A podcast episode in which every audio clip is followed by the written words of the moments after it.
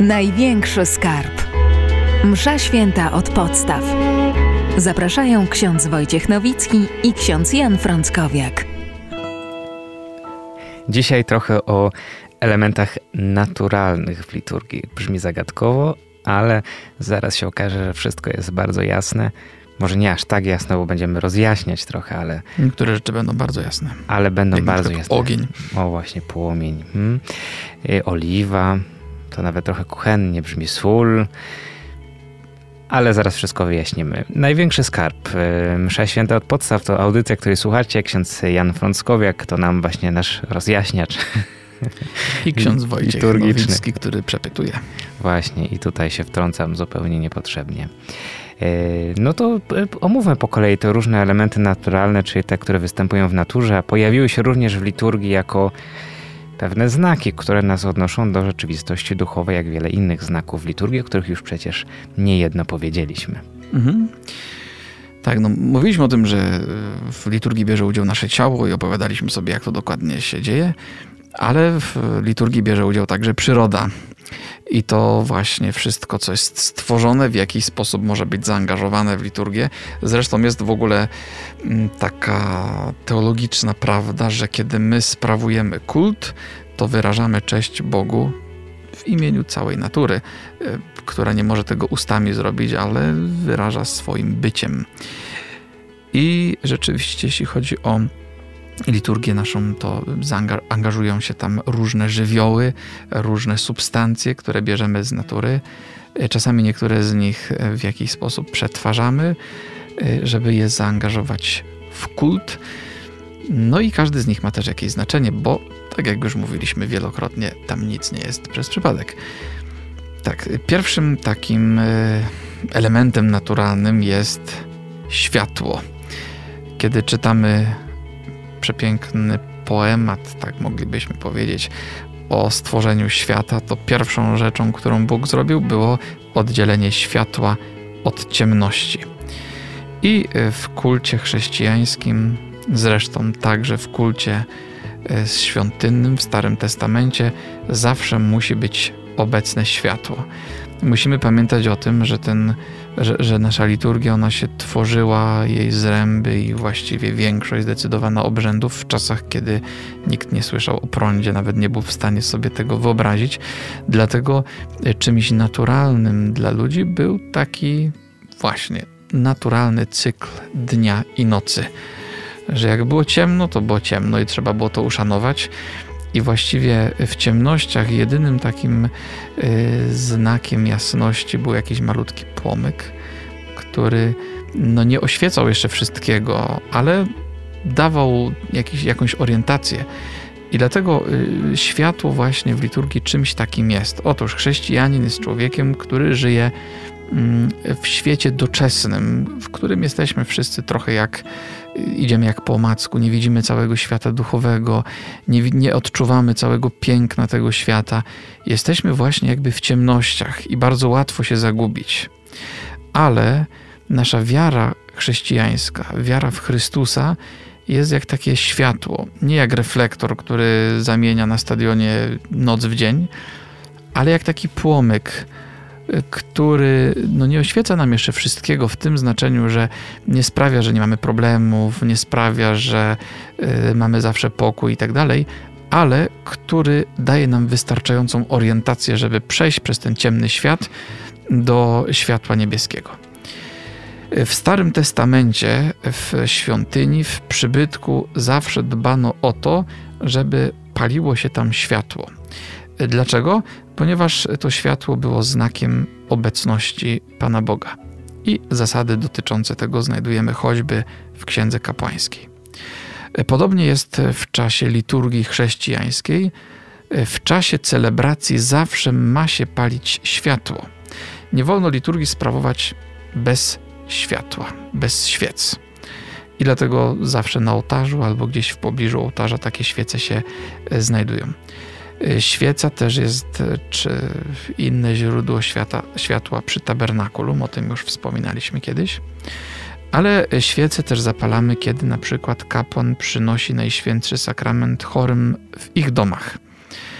to może warto sobie gdzieś tu przypomnieć, że kiedy kogoś mamy w domu chorego albo sami jesteśmy chorzy i przychodzi ksiądz, to zawsze tam powinien być krzyż i powinny stać dwie świece. Jak ktoś nie ma dwóch, no to chociaż jedną, ale ta świeca jest ważna, bo ona nam przypomina, że on przychodzi. Yy, tak samo na przykład na kolędzie, też no w tym roku kolendy nie było, w takiej klasycznej formie, ale kiedy ksiądz przychodzi pobłogosławić mieszkanie, też ustawiamy krzyż, ustawiamy świecę. To jest szczególny znak obecności Pana Boga, zwłaszcza obecności e, Chrystusa. Zresztą Pan Jezus, kiedy w Ewangelii świętego, świętego Jana e, nam się przedstawia, to jednym z takich określeń, które stosuje do samego siebie, jest światło. Mówi: Ja jestem światłością świata. No i co więcej, y, potem, kiedy mówi do uczniów, to mówi: Wy też jesteście światłością świata. Dlaczego? No bo uczeń to jest ten, którego Jezus zapalił. No i on też jest zapalony. I dlatego chrześcijanie w tym ciemnym świecie są też y, posłani po to, żeby być takim właśnie taką, takim płomykiem. I może być tak, że rzeczywiście jako chrześcijanie dla kogoś będziemy y, jakimś takim znakiem nadziei E, którego, które przyniesie jakiś pokój komuś, kogo spotykamy, kto może nie dostał łaski wiary, ale spotkał chrześcijanina. Ze światłem wiąże się oczywiście ogień, jako taka tradycyjna postać tego światła. No, dawniej nie było innego światła niż właśnie ten ognia, albo ten ogień, który się leje z nieba, czyli słońce. E, ogień zawsze symbolizuje potęgę Bożej miłości, ale też obecność e, Bożej miłości. Mm, często, o, zwłaszcza w tym aspekcie obecności Ducha Świętego. Ducha Świętego, którego nie widać, a który działa. E, ogień jest też jakoś, czy znaczy miejsce spotkania człowieka z Bogiem. Pamiętamy Mojżesza, który pierwszy raz w życiu tak poważnie spotkał Boga właśnie w ogniu, mianowicie w krzewie gorejącym. Ogień poświęcamy w Wigilię Paschalną, właśnie w tę noc, w którą było ciemno, a zrobiło się bardzo jasno, dlatego że Chrystus zmartwychwstał. Tak duchowo jasno się zrobiło. I dlatego poświęcamy ten, ten ogień na zewnątrz kościoła, aby wnieść go do zgromadzenia. To jest bardzo piękny moment i myślę, że w wielu parafiach przepięknie możemy to Wigilię Paschalną zobaczyć. Mianowicie, kiedy jest jeszcze zupełnie ciemno, wszystkie światła są wyłączone, i gdzieś w okolicach drzwi nagle pojawia się paschał zapalony. I okazuje się, że ta, ten jeden mały, mały płomyk e, w tym wielkim kościele naprawdę czyni dużą różnicę, że już coś widać. I po chwili zresztą od tego paschału e, zaczniemy odpalać nasze świece i za chwilę kościół jest pełen punkcików światła. To nadal jeszcze nie jest reflektor, który rozświeca wszystko, ale już jest jasno, już coś, już coś widać. Właśnie tak troszeczkę działa chrześcijaństwo, że przyszedł do nas Chrystus, żeby w tym ciemnym świecie nas oświecić, zapala nas, my zaczynamy świecić dalej, a wszyscy jesteśmy na drodze do tego światła niebieskiego. Zawsze też światło, zwłaszcza płomienia, no, wskazuje nam na ciepło, wskazuje nam na jasność i na kierunek ku górze. To też bardzo piękna sprawa. To byśmy mieli pierwszy taki element naturalny. Światło. Zasłuchałem się. Mhm. Wyobraziłem sobie to światło z jasności. W ogóle to jest bardzo ciekawe, że ta symbolika światła ona bardzo mocno przenika w ogóle chrześcijaństwo i w Piśmie Świętym, i w całej tradycji, i w różnych zwyczajach, i regułach nawet zakonnych, i zwyczajach. No to jest niesamowite. Zawsze mi się podobała zresztą ta, ta gra światło, ciemność, na przykład na roratach właśnie, mhm. czy, czy Wigilię Paschalną. No, jest niesamowicie przemawiające. Teraz może o kadzidle. Mm, czyli zapach. Znowuż angażujemy zmysły. Yy, tak, tak właśnie. Otóż kadzidło y, jest też bardzo takim wymownym elementem naturalnym. Chociaż nie od początku było w naszej liturgii, bo Trochę się bano kadzidła kiedyś. No tak, bo poganie zasypywali bożką. No właśnie, no y, w świątyni jerozolimskiej też się paliło kadzidło. Był nawet taki ołtarz kadzielny. Właśnie. Y, natomiast potem, jak już jesteśmy tak przy historii, oczywiście poganie także mieli ten gest, czy mieli ten, mm, ten element naturalny, tak, y, kadzidło. No i dlatego pierwsi chrześcijanie z taką dużą rezerwą podchodzili do tematu kadzidła. Dlaczego? Dlatego, że mm, w czasach różnych y, prześladowań chrześcijańskich, gdzieś tam zwłaszcza w połowie III wieku, mm, no, urzędnicy cesarscy domagali się od chrześcijan, żeby rzucili jedno ziarenko kadzidła mm, do kadzielnicy poświęconej albo cesarzowi, albo jakiemuś bożkowi. E, no i chrześcijanie nie chcieli tego czynić, dlatego że nam by się wydawało, co to jest takie kadzidło. Ale dla nich to było wyrzeczenie się Chrystusa. Skoro rzucam kadzidło przez, przed pomnik cesarza, to znaczy, że uznaję, że on jest Bogiem. Albo przed jakiegoś bożka, to znaczy, że uznaję, że ten Bożek jest Bogiem i tym samym wyrzekam się Chrystusa. I dlatego pierwsi chrześcijanie uważali, że taki gest jest y, no, wielkim grzechem, jest apostazją, czyli wyrzeczeniem się zarówno jedności z Kościołem, jak i też wyrzeczeniem się samego Chrystusa. Y, był troszeczkę taki problem nawet teologiczny, co zrobić z ludźmi, którzy po prostu się wystraszyli i to ziarenko rzucili, bo na przykład groziła im śmierć, albo groziła śmierć ich bliskim, albo e, groziło im, groziła im e, utrata majątku. Mm, no właśnie. E, I stąd mm, taka pojawiła się bardzo mm, obfita i taka owocna teologicznie dyskusja która potem nam pomogła troszeczkę właśnie w lepszym zrozumieniu sakramentu pokuty, ale to e, już inna zupełnie e, historia. I na inny odcinek. Mhm. E, natomiast z czasem jednak chrześcijanie przyjęli ten zwyczaj używania kadzidła i to z dwóch powodów. Jeden był taki powód, byśmy powiedzieli, bardzo przyziemny, prozaiczny. prozaiczny. No, Odwołujemy się do Santiago de Compostela może y, i też. potężnego trybularza, który tam się znajduje. Powiem, że od razu wyjaśnimy, że trybularz to jest po prostu nazwa kadzielnicy. Y, natomiast rzeczywiście, no, proszę sobie wyobrazić taką pełną bazylikę w Rzymie albo w innym miejscu właśnie, chociażby w Santiago. Y, w tej bazylice jest tłum ludzi, no i ci ludzie tak za często no, nie korzystają z... E, Inna była higiena właśnie, z toalety. W związku z tym rzeczywiście to kadzidło na pewno pomogło, ale y, tym, co przekonywało chrześcijan do używania kadzidła, były też elementy takie, bym powiedział, właśnie teologiczne. Mianowicie kadzidło mm, wyraża takie, bym powiedział, dwie prawdy. Jest to znak modlitwy i znak ofiary ponieważ kiedy kadzidło, e, używamy kadzidła, to znaczy, że najpierw wrzucamy na rozżarzone węgle właśnie, czy to są takie grudki żywicy, czy trochę jakiś też ziół mm, i żeby e, ten dym pachnący się wzniósł ku górze, to najpierw to, co wyrzuciliśmy na, na, na ogień, na węgle, musi się spalić, musi się zniszczyć.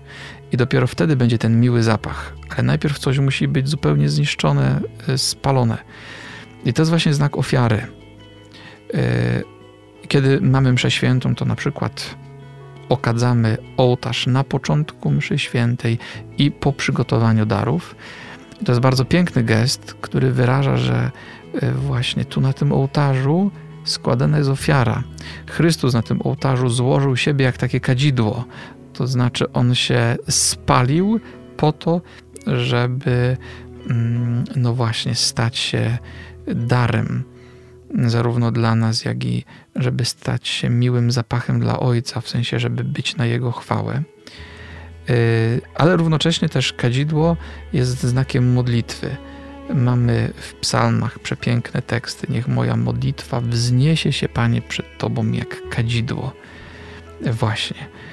Zresztą to kadzidło pokazuje nam też, że nasza ofiara, to co na ołtarzu składamy duchowo, czy też nasze wszystkie modlitwy są naprawdę Bogu miłe i są owocne, kiedy są wyrazem zaangażowania naszego serca.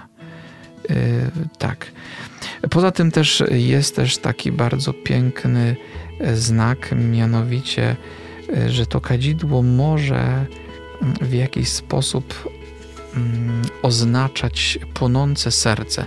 Kiedy okadzi ksiądz ołtarz y, zaraz po przygotowaniu darów, to potem przekazuje diakonowi, diakon będzie okadzał potem najpierw jego, potem mm, innych uczestników liturgii. I w starej liturgii była taka y, bardzo piękna modlitwa w tym czasie. Accentant in nobis dominus ignem sui amoris, flammam eterne caritatis. Czyli niech Pan zapali w nas ogień swej miłości i płomień wiecznego ukochania. Przepiękna modlitwa, prawda? Y, no właśnie, to kadzidło rozpalone też jest modlitwą, czyli taką prośbą Kościoła, który w naszym imieniu mówi: Panie, niech zapali się w nas ogień Twojej miłości. Niech zapali się w nas płomień wiecznego mm, ukochania.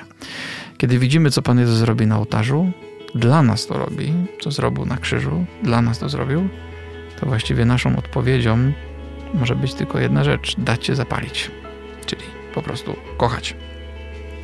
Bardzo pięknie kiedyś też na temat kadzidła napisał w takiej małej książeczce Znaki Święte e, teolog XX-wieczny Romano Guardini, e, który e, zachwycał się kadzidłem i mówi tak – Ileż w tym wzniosłego piękna, gdy jasne ziarenka kadzidła padną na żarzące się węgle i gdy z rozkołysanego trybularza popłynie dym wonny. Jest to jakby melodia opanowanego ruchu i miłego zapachu. Czynność pozbawiona wszelkiego praktycznego celu. Jest czysta jak pieśń. Piękna rozrzutność drogocennych klejnotów – ofiarna, hojna, wszystkiego się wyrzekająca miłość. I dalej Romano Guardini kontynuuje, mówi, że w kadzidle jest tajemnica piękności, nie wiedzącej o żadnych korzyściach, ale powstającej samorzutnie. Tajemnica miłości gorejącej i spalającej, przechodzącej nawet przez śmierć. Przepiękne, prawda? Ja to kupuję. Ja mhm. bardzo lubię kadzidło zresztą. Także w modlitwie osobistej. To mhm. polecam czasami właśnie węgielek. Księdz łatwiej, pewnie gorzej, jak ktoś ma tak rodzinę, to nie wszyscy będą tego kadzidła tak tam... No to prawda. Y, tak, ale rzeczywiście myślę, że warto do, jakoś, czy trzeba dowartościowywać kadzidło i warto zwłaszcza na uroczystszych liturgiach, czy w niedzielę na tej tak zwanej sumie, jak to kiedyś mówiono, y, z tego kadzidła jak najczęściej y, korzystać, bo ono wyraża tyle rzeczy, no, że no właśnie. Yy, tak. W czasie liturgii to kadzidło używamy, żeby wyrazić cześć wobec Boga, yy, czy bezpośrednio, czy w osobach i znakach. No my nie okadzamy w powietrze, prawda? Ale okadzamy zawsze yy, konkretną osobę albo konkretną rzecz. No albo oczywiście Najświętszy Sakrament, czyli samego Pana bezpośrednio. Y, I ten, kogo okadzamy, jest y, właśnie albo samym Bogiem, albo jest, y, gdy to jest jakiś człowiek, jest świątynią Boga, albo przypomina nam Boga, kiedy jest to jakiś przedmiot, na przykład ołtarz, na przykład krzyż, czy jeszcze jakiś inny gest, czy, czy jakiś, jakiś znak, czy na przykład obraz. Właśnie my przez wiarę widzimy w tych wszystkich osobach i przedmiotach obecność Bożą. Kiedy na przykład okadzamy celebransa albo okadzamy lud w czasie liturgii, to, to nie jest tak, że my widzimy teraz w tym momencie tylko człowieka, ale widzimy człowieka, w którym jest obecny i działa Bóg. To też piękna sprawa. Starczy o tym kadzidle na ten czas, bo można by tu jeszcze dużo opowiadać. Tak, o różnych zapachach kadzidła i jego rodzajach. Mhm. No tu od razu może tak, y, kiedy ktoś na przykład nas słucha, a jest odpowiedzialny za przygotowanie takiego kadzidła, bo na przykład pracuje w zakrystii, y, to może dobrze też trochę zainwestować w to kadzidło, żeby nie była to tylko taka sama sucha trawa, która śmierdzi, mówiąc brutalnie, ale Kop, żeby... Kopci jedynie. Kopci właśnie, żeby to mm, było coś, co będzie miało aromat bo skoro kadzidło ma być znakiem ofiary, ma być znakiem modlitwy, ma nas odsyłać do miłości, to kiedy mamy taki duszący dym, trudno w tym widzieć tę symbolikę, a kiedy jest aromat, no to pięknie. Właśnie aromat, którym mamy stać się, czyli nasza miłość ma się stać aromatem. Ja lubię wchodzić do kościoła, w, mm, w, którym była wcześniej sprawowana właśnie liturgia z okadzeniem, bo to jak się wchodzi do takiego kościoła, od razu się czuje klimat modlitwy. Mhm. Ja to bardzo lubię. No ale może, nie wiem, nie każdy. Zostawiamy kadzidło. Tyle o, o tym znaku też naturalnym. Co jeszcze? Mamy wodę na przykład. Mhm. Wodę. Używamy ją począwszy od chrztu. Y, Woda y, zawsze jest takim znakiem, symbolem Ducha Świętego, jest też symbolem mocy stwórczej. No, pamiętamy, Duch unosił się nad wodami właśnie w dziele stworzenia. Y, Jest też znakiem pewnego obmycia. No i w liturgii oczywiście, tak jak wspomniałem, zaczyna się całe używanie wody od chrztu. Ale też w czasie mszy świętej na przykład możemy zastosować aspersję, zwłaszcza kiedy jest to niedziela. Y, Aspersja, czyli pokropienie, o nim już wspominaliśmy kiedyś, nawiązuje właśnie do chrztu i pobudza nas do wdzięczności za łaskę ducha w chrzcie. Y, Używamy y, wody na przykład podczas pogrzebu. Kiedy kogoś żegnamy i zostało nam już tylko jego ciało tutaj na ziemi, to kropimy to ciało jeszcze na samym końcu, tuż przed złożeniem do ziemi, żeby znowu przypomnieć o chrzcie, bo chrzest otworzył tej osobie, której już nie ma w tym ciele tak do końca. Przecież tutaj zostały tylko szczątki doczesne. Ale otwiera temu człowiekowi drogę do życia wiecznego. Y, Prosimy, żeby Bóg dopełnił dzieła, które rozpoczął na chrzcie, czyli przez zmartwychwstanie doprowadził do nieba. Bo na chrzcie dostaliśmy obietnicę, obietnicę wieczności, szczęśliwej wieczności z Bogiem i właśnie podczas pogrzebu używamy wody, żeby przypomnieć sobie tę obietnicę. Y, Także y, właśnie kiedy mm, wody, wody święconej używamy, to wiemy, że to nie jest jakaś, nie wiem, inna woda. To jest zwykłe H2O, y, które możemy pobrać, że tak powiem, z kranu. Natomiast jest to woda, nad którą odmawia się modlitwę błogosławieństwa.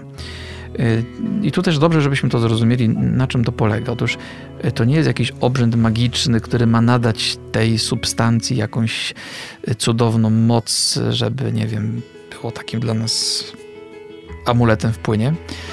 Tylko my po prostu dziękujemy Panu Bogu, że dał nam wodę, bo to przecież od Niego ją mamy, ale równocześnie prosimy, żeby ta woda stała się jakimś narzędziem szczególnym Jego uświęcania, Jego działania i żeby, no można powiedzieć, była y, jakoś tak oczyszczona od wszelkich czynników wrogich, mm, wszelkich czynników wrogich Bogu, a właściwie, żeby nasze pobożne używanie tej wody oczyszczało nas z mm, właśnie wszystkiego, co jest wrogie Bogu.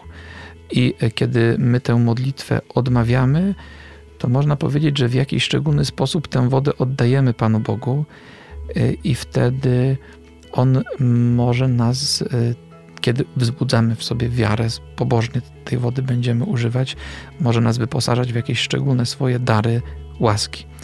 Y, Ta woda y, jest jednym z tak zwanych sakramentaliów, czyli to są pewne zewnętrzne znaki działania Pana Boga. Właśnie to nie są jakieś magiczne znaki, ale to są znaki, których używamy z wiarą, że Bóg działa. Y, I one troszeczkę przypominają sakramenty, ale jednak się od sakramentów różnią, nie mają tej samej rangi.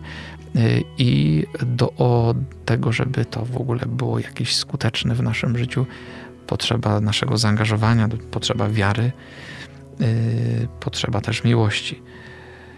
Tak, warto może wiedzieć taką ciekawostkę, że dawno temu używano w czasie konsekracji, poświęcenia, jak dzisiaj mówimy, y, kościoła, y, coś, co się nazywało wodą gregoriańską, czyli y, pewną taką substancję, którą można powiedzieć przepisał święty papież Grzegorz Wielki.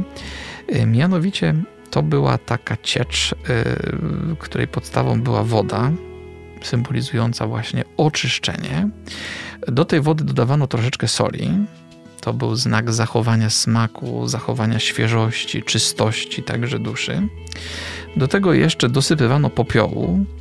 To był znak y, pokuty. Y, I nawet jeszcze dolewano kropelkę wina. To miał być znak obfitości Bożego błogosławieństwa. I właśnie od czasów papieża Grzegorza Wielkiego, który umiera w 604 roku, czyli już rzeczywiście ponad 14 wieków temu, używano tę wodę do uroczystego poświęcenia kościoła. No i znowu, tu też nie chodziło o mm, jakąś magiczną receptę na jakiś eliksir, który coś miał tam wyrażać, tylko po prostu każdy z tych składników coś mówił. Kiedy używano te, tej wody gregoriańskiej, to woda mm, była prośbą, żeby Bóg, na przykład ten kościół, ten nowo oddany do użytku liturgicznego budynek oczyścił. E, I nas również w nim potem oczyszczał z grzechu.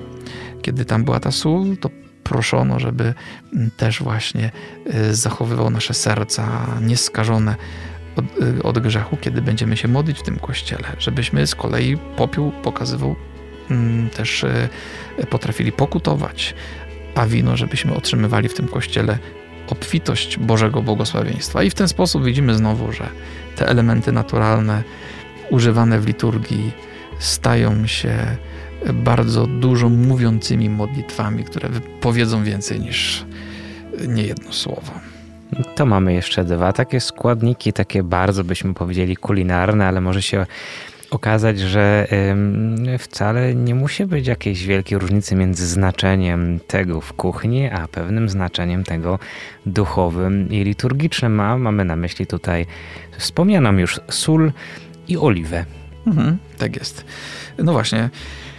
Y, używamy tych dwóch substancji. Dzisiaj soli chyba zdecydowanie no, zdecydowanie rzadziej. Kiedyś troszeczkę no, częściej. Nigdzie w tych dietach tak raczej się nie sugeruje zbyt wielu, mhm. wiele soli, ale pamiętam takie kazanie księdza arcybiskupa. Kiedyś był taki rok, wszyscy nie jesteśmy solą ziemi. O, chyba tak. I e, rok duszpasterski pod takim hasłem i arcybiskup mówił o 14 biblijnych znaczeniach soli. No, ale my to o my 14 powiemy... nie będziemy mówić, ale o tych zasadniczych na pewno. Mhm. Tak, to znaczy y, sól czyli ma tradycyjnie takie dwa znaczenia: nadanie smaku, po to solimy, i konserwacja produktów spożywczych. Dzisiaj to drugie znaczenie jest może nam mniej bliskie z uwagi na to, że mamy lodówki zamrażarki, ale kiedy nie miano, no to oczywiście sól była tym konserwantem podstawowym. Y, soli bardzo często używano w poświęceniu wody. Y, kiedy ksiądz y, błogosławił wodę, o której przed chwilą wspomnieliśmy, to też dosypywał soli, też po błogosławionej, e, ponieważ ta sól miała być znakiem prośby do Boga o ochronę od zepsucia i o to, żeby Bóg nadał smaku naszemu życiu, naszemu działaniu, temu wszystkiemu, co będziemy robić. I także to, co właśnie e, wspomnieliśmy przed chwilą, e, wy jesteście solą ziemi, mówi Pan Jezus, mm, że chrześcijanin, który korzysta z tej wody posolonej, to przypomina sobie, że też ma świadczyć ma być dla tej y, ziemi, dla tego świata y, świadectwem Bożego działania. Bardzo podoba mi się to zdanie o tym, jak Pan Jezus mówi, że wy jesteście solą ziemi. Czasami może tak być, że taki pobożny chrześcijanin się tak martwi, że w życiu jest taki sam, to znaczy, że wokół niego jest wielu ludzi, którzy nie są tacy pobożni i na przykład no, lekceważą sobie pewne Boże prawa, albo po prostu no, nie wierzą, nie dostali tej, tej łaski, a on dostał, no i tak bardzo cierpi. Ale kiedy Pan Jezus mówi do nas, wy jesteście solą ziemi, to proszę zobaczyć, jak idziemy do kuchni i mamy garnek z ziemniakami, to tam to nie jest tak, że jest cały garnek pełen soli. Tam jest cały garnek pełen ziemniaków, wody, nie wiem czego tam jeszcze ewentualnie i tylko szczypta soli, ale ta szczypta wystarczy, żeby nadać smak wszystkiemu. I może trochę tak Pan Bóg to też wymyślił właśnie, że taki wierzący chrześcijanin jest w tej swojej pracy, domu, szkole, studiach i wszędzie indziej trochę jak taka szczypta soli. Tam nie potrzeba całego garnka, wystarczy ta szczypta. Mm, tak. E, w starożytności od IV, roku, od IV wieku w Rzymie e, wykorzystywano właśnie już sól jako symbol pewnej niezniszczalności i podawano katechumenom, czyli tym, którzy przygotowywali się do chrztu podczas całej procedury przygotowawczej do sakramentu. Wspomina nam o tym choćby święty Augustyn. I taki katechumen właśnie uświadomiał sobie, że chrzest, który ma przyjąć, to jest taki najlepszy środek konserwujący, ale równocześnie yy, ta sól podawana im była też pewnym znakiem oczyszczenia i zapowiedzią też udziału w uczcie braterskiej. Przed soborem w starej liturgii, kiedy chrzczono małe dziecko, to temu dziecku też podawano trochę soli na znak pewnego doskonałego lekarstwa i mądrości. Tak. A olej y, Olej zdecydowanie częściej używamy, ponieważ y, są sakramenty, których udzielamy przez namaszczenie olejem. Y, I w kościele mamy trzy oleje, które są używane do sakramentów. Po pierwsze jest to olej krzyżyma. Y, błogosławiony przez, poświęcony przez kapłana, przez księdza biskupa zawsze, zazwyczaj diecezjalnego y, w katedrze y, w Wielki Czwartek podczas tak zwanej mszy krzyżma, stąd nazwa. To jest zazwyczaj ta dopołudniowa msza Wielki Czwartek w katedrach z obecnością księży z całej diecezji. I ten, ten olej jest używany zazwyczaj przy chrzcie, bierzmowaniu i święceniach, ale także podczas namaszczania ołtarza i ścian kościoła, kiedy mamy obrzęd, jak to dawniej mówiono, konsekracji kościoła czy konsekracji ołtarza. Drugi olej to jest olej chorych i tego oleju używamy do e, sakramentu namaszczenia chorych. Mm, ten olej też jest święcony na tej samej mszy, czyli na mszy krzyżma, troszeczkę w innym miejscu, bo na końcu modlitwy eucharystycznej ale gdyby się zdarzyło, że jakiś ksiądz ma chorego, który prosi o namaszczenie, no a nie ma oleju, to w ramach obrzędu jednorazowo taki ksiądz może e, poświęcić e, inny olej e, roślinny. I jest jeszcze trzeci olej, dzisiaj troszeczkę rzadziej spotykany, zwłaszcza w Polsce, to jest olej katechumenów. On jest stosowany do namaszczeń poprzedzających chrzest. Zazwyczaj e, wtedy, kiedy przygotowywali się dorośli, czy dzisiaj, kiedy się przygotowują, tego oleju można używać. Mm, dawniej używano także wobec małego dziecka na początku liturgii chrzcielnej, jeszcze przed, żeby tak mm, uświadomić sobie, że to dziecko w tym krótkim obrzędzie przeżywa coś, co katechumeni dawniej, czasami przez całe lata e, w polskich obrzędach zrezygnowano z tego namaszczenia takiego dodatkowego. Ono nie wpływa na ważność, ale w niektórych e, krajach ten, to, to trzecie namaszczenie, a właściwie pierwsze takie wstępne namaszczenie, jako zapowiedź dalszych namaszczeń jest obecne. E, dlaczego namaszczamy? Generalnie w starożytności używano e, oleju do, jako pokarmu do namaszczenia ciała, czyli możemy powiedzieć ze względów takich kosmetyczno-pielęgnacyjnych, także jako środek leczniczy polewano olejem rany, no i też czasami do oświetlenia, prawda, palono lampy olejowe. I ta symbolika jest obecna nadal dzisiaj, kiedy namaszczamy. Właśnie to wszystko się dzieje, ale w takim wymiarze duchowym, kiedy przystępujemy do sakramentów, to Bóg przychodzi do nas, dając nam pokarm, namaszczając nas, oświetlając, lecząc i pielęgnując może nie tyle nasze ciało, co naszą duszę. Ksiądz Jan Frąckowiak, ksiądz Wojciech Nowicki, dziękujemy Wam za obecność. Największy skarb Msza Święta od podstaw. Polecamy się i w następnym odcinku. Do usłyszenia. Największy skarb. Msza święta od podstaw.